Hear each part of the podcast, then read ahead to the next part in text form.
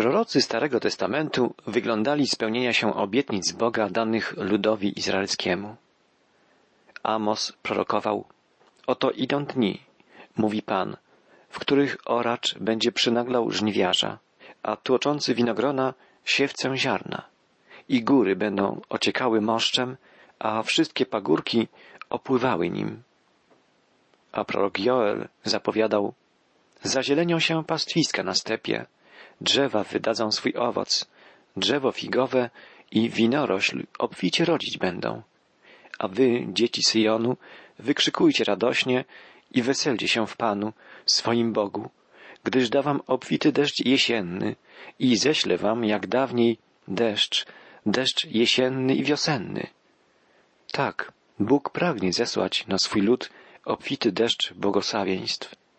Mówi jednak, jeżeli, jeżeli mnie usłuchacie, jeżeli odwzajemnicie moją miłość, jeżeli z własnej woli, z przekonaniem będziecie wprowadzać w życie moje przykazania.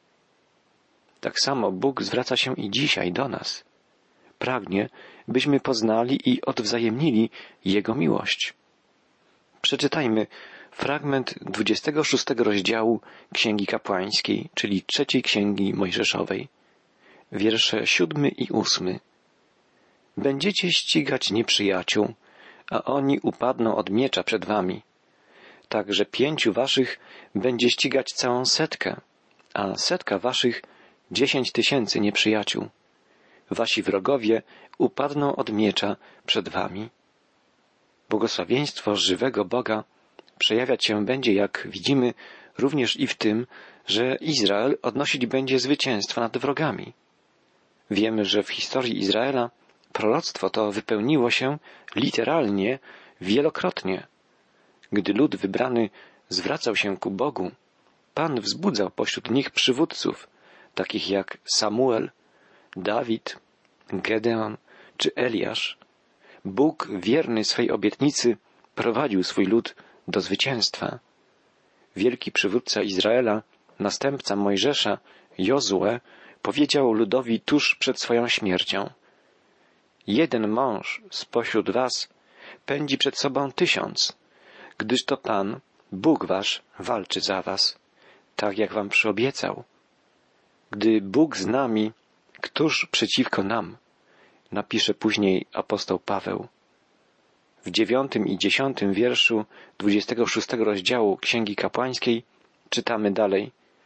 Zwrócę się ku wam, dam wam płodność, rozmnożę was, umocnię moje przymierze z wami. Będziecie jedli zboże z dawnych zapasów, a kiedy przyjdą nowe zbiory, usuniecie dawne zapasy. Mimo wielokrotnych prób unicestwienia Żydów, naród ten doprowadził do powstania niepodległego państwa Izrael, a miliony Izraelitów żyją w niemal każdym zakątku świata, zachowując swoją tożsamość narodową i religijną. W następnym jedenastym wierszu 26 rozdziału Księgi Kapłańskiej czytamy Umieszczę wśród was mój przybytek i nie będę się wami brzydził. Święty przybytek, stojący pośrodku obozu Izraelitów, był niezwykłym znakiem, znakiem obecności Boga wśród swego ludu. Bóg towarzyszył Izraelowi we wszystkich okresach jego dramatycznej historii. Tylko od posłuszeństwa Izraelitów względem Pana zależało to, jak manifestowało się Jego błogosławieństwo. Bóg jest wierny swoim obietnicom i czeka na duchowe przebudzenie w Izraelu. Obiecuje, że ostatecznie w widzialny sposób zamieszka pośród swego ludu na wieki. W księdze Apokalipsy apostoł Jan w swej proroczej wizji pisze i usłyszałem donośny głos z tronu mówiący oto przybytek Boga między ludźmi i będzie mieszkał z nimi, a oni będą ludem Jego, a sam Bóg będzie z nimi. W dwunastym wierszu dwudziestego szóstego rozdziału Księgi Kapłańskiej znajdziemy takie słowa Pana. Będę chodził wśród was, będę waszym Bogiem, a wy będziecie moim ludem. Bóg obiecuje, że będzie przebywał wśród tych, którzy mu zaufają, tych, którzy okażą mu posłuszeństwo. Bóg pragnie, byśmy trwali w bliskiej z Nim więzi. Pragnie poprzez Ducha Świętego zamieszkiwać w naszych sercach. Przecież to my jesteśmy świątynią Boga żywego, pisze apostoł Paweł w swoim drugim liście do Koryntian. To wierzące serca, serca ufających Bogu ludzi są dzisiaj Jego świętym przybytkiem. Dalej czytamy w Księdze Kapłańskiej Ja jestem Pan, Bóg wasz, który wyprowadził was z ziemi egipskiej, abyście przestali być ich niewolnikami. Ja rozbiłem drągi waszego jarzma i dałem wam możność chodzenia z podniesioną głową. Bóg mówi do swego ludu, wyrwałem was z niewoli, rozbiłem drągi waszego jarzma. Czyż nie jestem w stanie uczynić tego ponownie? Dzisiaj Bóg kieruje te same słowa do nas. Pan mówi, że rozpoczął wśród nas swoje dzieło i że doprowadzi je do końca, do celu, do dnia powtórnego przyjścia Jezusa Chrystusa, tak jak pisze apostoł Paweł w liście do Filipian w pierwszym rozdziale. Możemy być pewni, jeśli otwardzimy dla Boga swoje serce, On będzie prowadzić nas aż do czasów końca, do dnia, w którym pochwyci nas Jezus Chrystus i zabierze nas ze sobą do swego królestwa. Bóg jednak przestrzega tak nas dzisiaj, jak i dawniej lud Starego Testamentu. Czytamy o tym dalej od czternastego wiersza, dwudziestego szóstego rozdziału Księgi Kapłańskiej. Jeżeli nie będziecie mnie słuchać i nie będziecie wykonywać tych wszystkich nakazów, jeżeli będziecie gardzić moimi ustawami, jeżeli będziecie brzydzić się moimi wyrokami, także nie będzie wykonywać moich nakazów lud mój i złamie moje przymierze, to i ja obejdę się z wami odpowiednio. Ześlę na was przerażenie, wycieńczenie i gorączkę, które prowadzą do ślepoty i rujnują zdrowie. Wtedy na próżno będziecie siali wasze ziarno. Zjedzą je wasi nieprzyjaciele. Zwrócę oblicze przeciwko wam. Będziecie pobici przez nieprzyjaciół. Ci, którzy was nienawidzą, będą rządzili wami a wy będziecie uciekać nawet wtedy, kiedy was nikt nie będzie ścigał. Bóg mówi bardzo wyraźnie, jeżeli nie będziecie mnie słuchać i gdy będziecie gardzić moimi ustawami, złamiecie przymierze między nami, wtedy obejdę się z wami odpowiednio do waszego nieposłuszeństwa.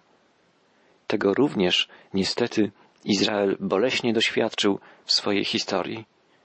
W księdze sędziów na przykład wielokrotnie czytamy, że Bóg wydał lud izraelski w ręce wrogów, bo odwrócili się od niego.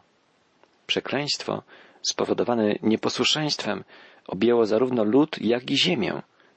Ludzi ogarnęło przerażenie, wycieńczenie, przemęczenie, dotknęły ich choroby i głód. Plony ich ziemi zjedzą znienawidzeni wrogowie, którzy ich pobiją i będą nimi rządzić. Ludzi ogarnie taki popłoch, że będą uciekać nawet wtedy, kiedy nikt nie będzie ich ścigał. Podobnie prorokują y, prorocy Jeremiasz i Micheasz. A w Księdze Kapłańskiej czytamy w dalszych wierszach Jeżeli i wtedy nie będziecie mnie słuchać, będę w dalszym ciągu karał was siedem razy więcej za wasze grzechy. Rozbiję waszą dumę, waszą potęgę, sprawię, że niebo będzie dla was jak z żelaza, a ziemia jak z brązu. Na próżno będziecie się wysilać. Wasza ziemia nie wyda żadnego plonu, a drzewo na ziemi nie da owoców. Jeżeli Izraelici nadal się nie upamiętają, czeka ich sąd jeszcze bardziej surowy, sąd rujnujący cały ich dorobek. Ich duma zostanie złamana. Z nieba nie spadnie kropla deszczu ziemia nie wyda plonu. To drugi etap Bożego Sądu nad Izraelitami.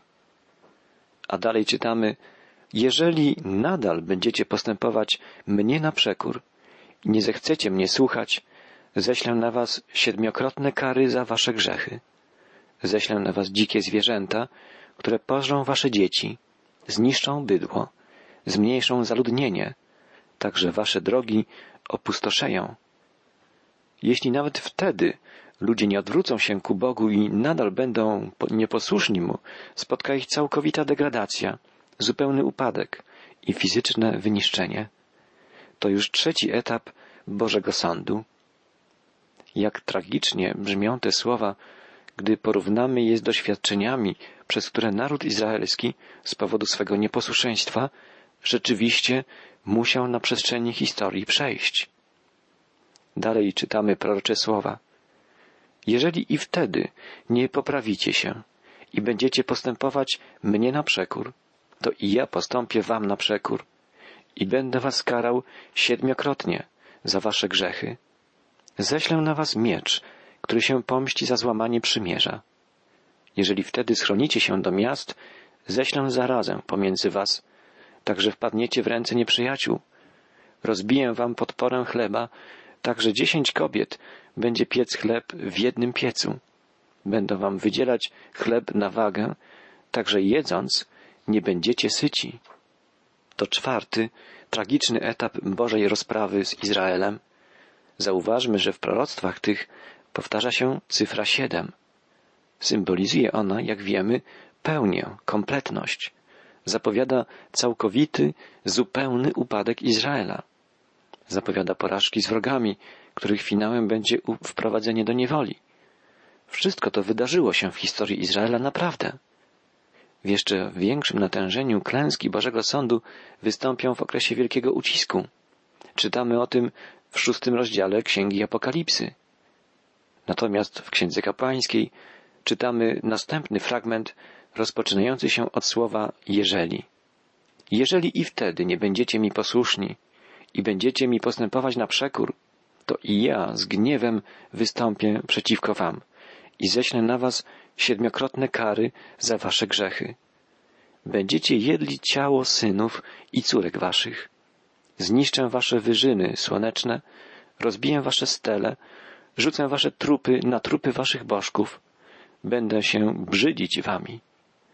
Zamienię w ruiny wasze miasta, spustoszę wasze miejsca święte, nie będę wchłaniał przyjemnej woni waszych ofiar. Te słowa zieją taką grozą, że wydaje się niemożliwe, by coś tak wstrząsającego mogło się wydarzyć. A jednak takie właśnie wypadki miały miejsce w rzeczywistości. Na przykład w drugiej księdze królewskiej, w szóstym rozdziale czytamy o sytuacji, która wydarzyła się podczas oblężenia Samarii przez króla Aramu. W całej Samarii zapanował wtedy wielki głód. Czytamy, że dwie kobiety umówiły się, że jednego dnia zjedzą syna pierwszej z nich, a następnego dnia syna drugiej. I tak ugotowałyśmy mojego syna i zjadłyśmy go, mówi zrozpaczona matka. Czytamy o tym w drugiej księdze królewskiej, w szóstym rozdziale. Tak stało się w rzeczywistości. Ale to nie koniec zapowiedzi Pana. Gdy Izrael będzie nieposłuszny, czeka go jeszcze większy sąd, jeszcze sroższe kary. Pan mówi, ja sam spustoszę ziemię, tak że będą się zdumiewać wasi wrogowie, którzy ją wezmą w posiadanie. Was samych rozproszę między narodami, dobędę za wami miecza, ziemia wasza będzie spustoszona, miasta wasze zburzone. To piąty etap sądu Bożego. Widzimy tu obraz totalnego zniszczenia, obrócenia w ruinę narodu, miast i ziemi obraz klęski i spustoszenia. Słowa te spełniły się, gdy Nabuchadnezar uprowadził Izraelitów do niewoli babilońskiej oraz gdy Tytus doszczętnie zniszczył Jerozolimę w 70 roku naszej ery. Wtedy ziemia będzie obchodzić swoje szabaty, czytamy dalej, przez wszystkie dni swego spustoszenia, a wy będziecie w kraju nieprzyjaciół. Wtedy ziemia będzie odpoczywać i obchodzić swoje szabaty. Przez wszystkie dni swego spustoszenia będzie ziemia obchodzić szabat, którego nie obchodziła w latach szabatowych, kiedy w niej mieszkaliście. Przez 490 lat Izraelici nie przestrzegali lat szabatowych, w których mieli nie uprawiać ziemi, aby odpoczęła. To znaczy, że rok szabatowy nie był święcony przez Izrael siedemdziesięciokrotnie. Bóg cierpliwie czekał na upamiętanie się Izraelitów, ale w końcu zdecydował, że tak dłużej być nie może. Zesłał Izrael do niewoli babilońskiej na siedemdziesiąt lat. Czytamy o tym w drugiej księdze kronik w trzydziestym szóstym rozdziale. Zesłał Izraelitów do niewoli, aby ziemia mogła odpocząć tak długo, jak było to przez Niego zarządzone. Znajdujemy tu potwierdzenie faktu, że Izraelici zostali uprowadzeni do niewoli z powodu swego nieposłuszeństwa względem Boga. Dalej w Księdze Kapłańskiej czytamy Co się zaś tyczy tych, co pozostaną, ześlę do ich serc lękliwość w ziemi nieprzyjaciół. Będzie ich ścigać szmer unoszonego wiatrem liścia. Będą uciekać jak od miecza, będą padać nawet wtedy, kiedy nikt nie będzie ich ścigał. Będą się przewracać jeden na drugiego, jak gdyby przed mieczem, chociaż nikt nie będzie ich ścigał. Nie będziecie mogli ostać się przed nieprzyjaciółmi. Zginiecie między narodami. Pochłonie was ziemia nieprzyjacielska, a ci, którzy pozostaną z was, zgniją z powodu swego przestępstwa w ziemiach nieprzyjacielskich, z powodu przestępstw swoich przodków zgniją, tak jak i oni. Niemal we wszystkich krajach, gdzie zamieszkują lub zamieszkiwali Żydzi, miały miejsce ekscesy antysemickie. Żydów przepędzano, prześladowano, zabijano. Największa fala prześladowań nastąpiła w czasie Shoah, czyli w czasie bestialskiej eksterminacji Żydów przeprowadzonej przez nazistów. Naród żydowski chciano wtedy wyniszczyć zupełnie. Wtedy uznają przestępstwo swoje i przestępstwo swoich przodków, czytamy dalej, to jest zdradę, którą popełnili względem mnie i to, że mnie postępowali na przekór, wskutek czego ja postępowałem na przekór im i zaprowadziłem ich do kraju nieprzyjacielskiego, ażeby upokorzyło się ich nieobrzezane serce i ażeby zapłacili za swoje przestępstwo. Wtedy przypomnę sobie moje przymierze z Jakubem, przymierze z Izaakiem i przymierze z Abrahamem, przypomnę sobie o tym i przypomnę o kraju. Wszystkie odstępstwa Izraelitów nie przekreśliły faktu, że mieli oni ciągle dane im przez Boga prawo własności ziemi obiecanej. Jest to wspaniały obraz Bożej wierności. Jeśli Bóg raz złoży swoją obietnicę, dotrzymuje jej i spełnia w odpowiednim czasie. Ten czas nadejdzie, gdy lud izraelski upamięta się, gdy uzna przestępstwo swoje i przestępstwo swoich przodków, jak czytamy w wersecie czterdziestym naszego tekstu.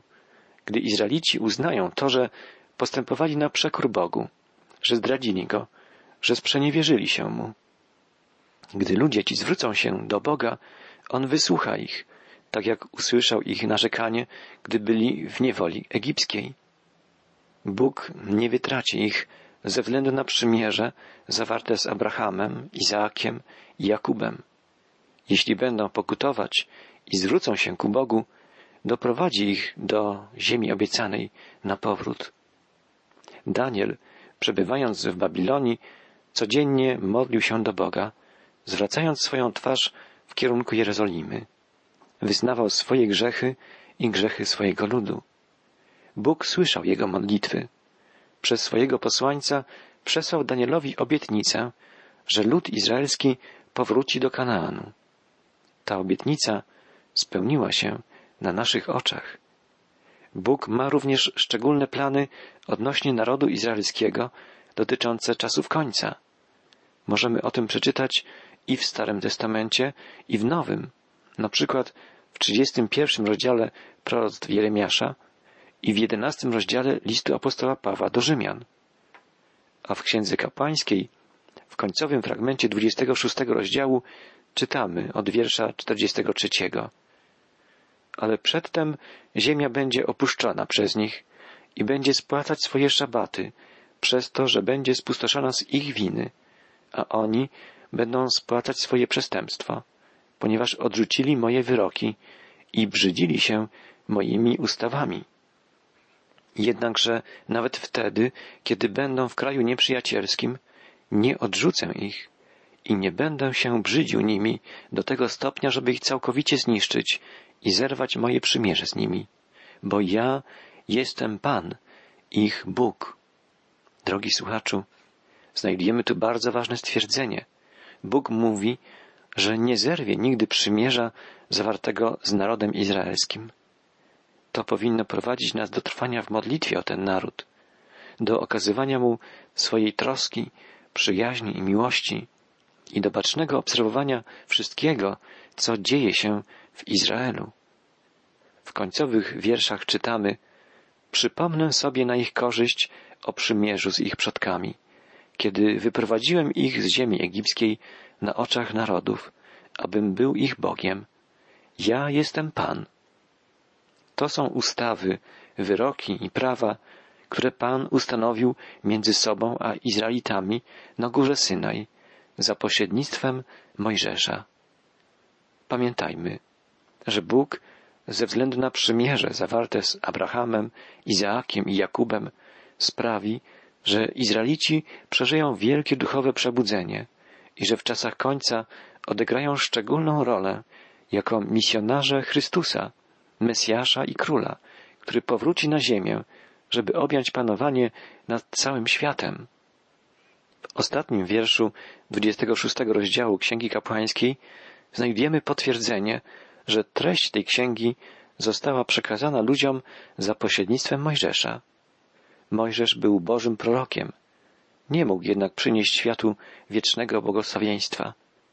Świat wygląda doskonałego proroka i pośrednika. Oczekuje na Zbawiciela.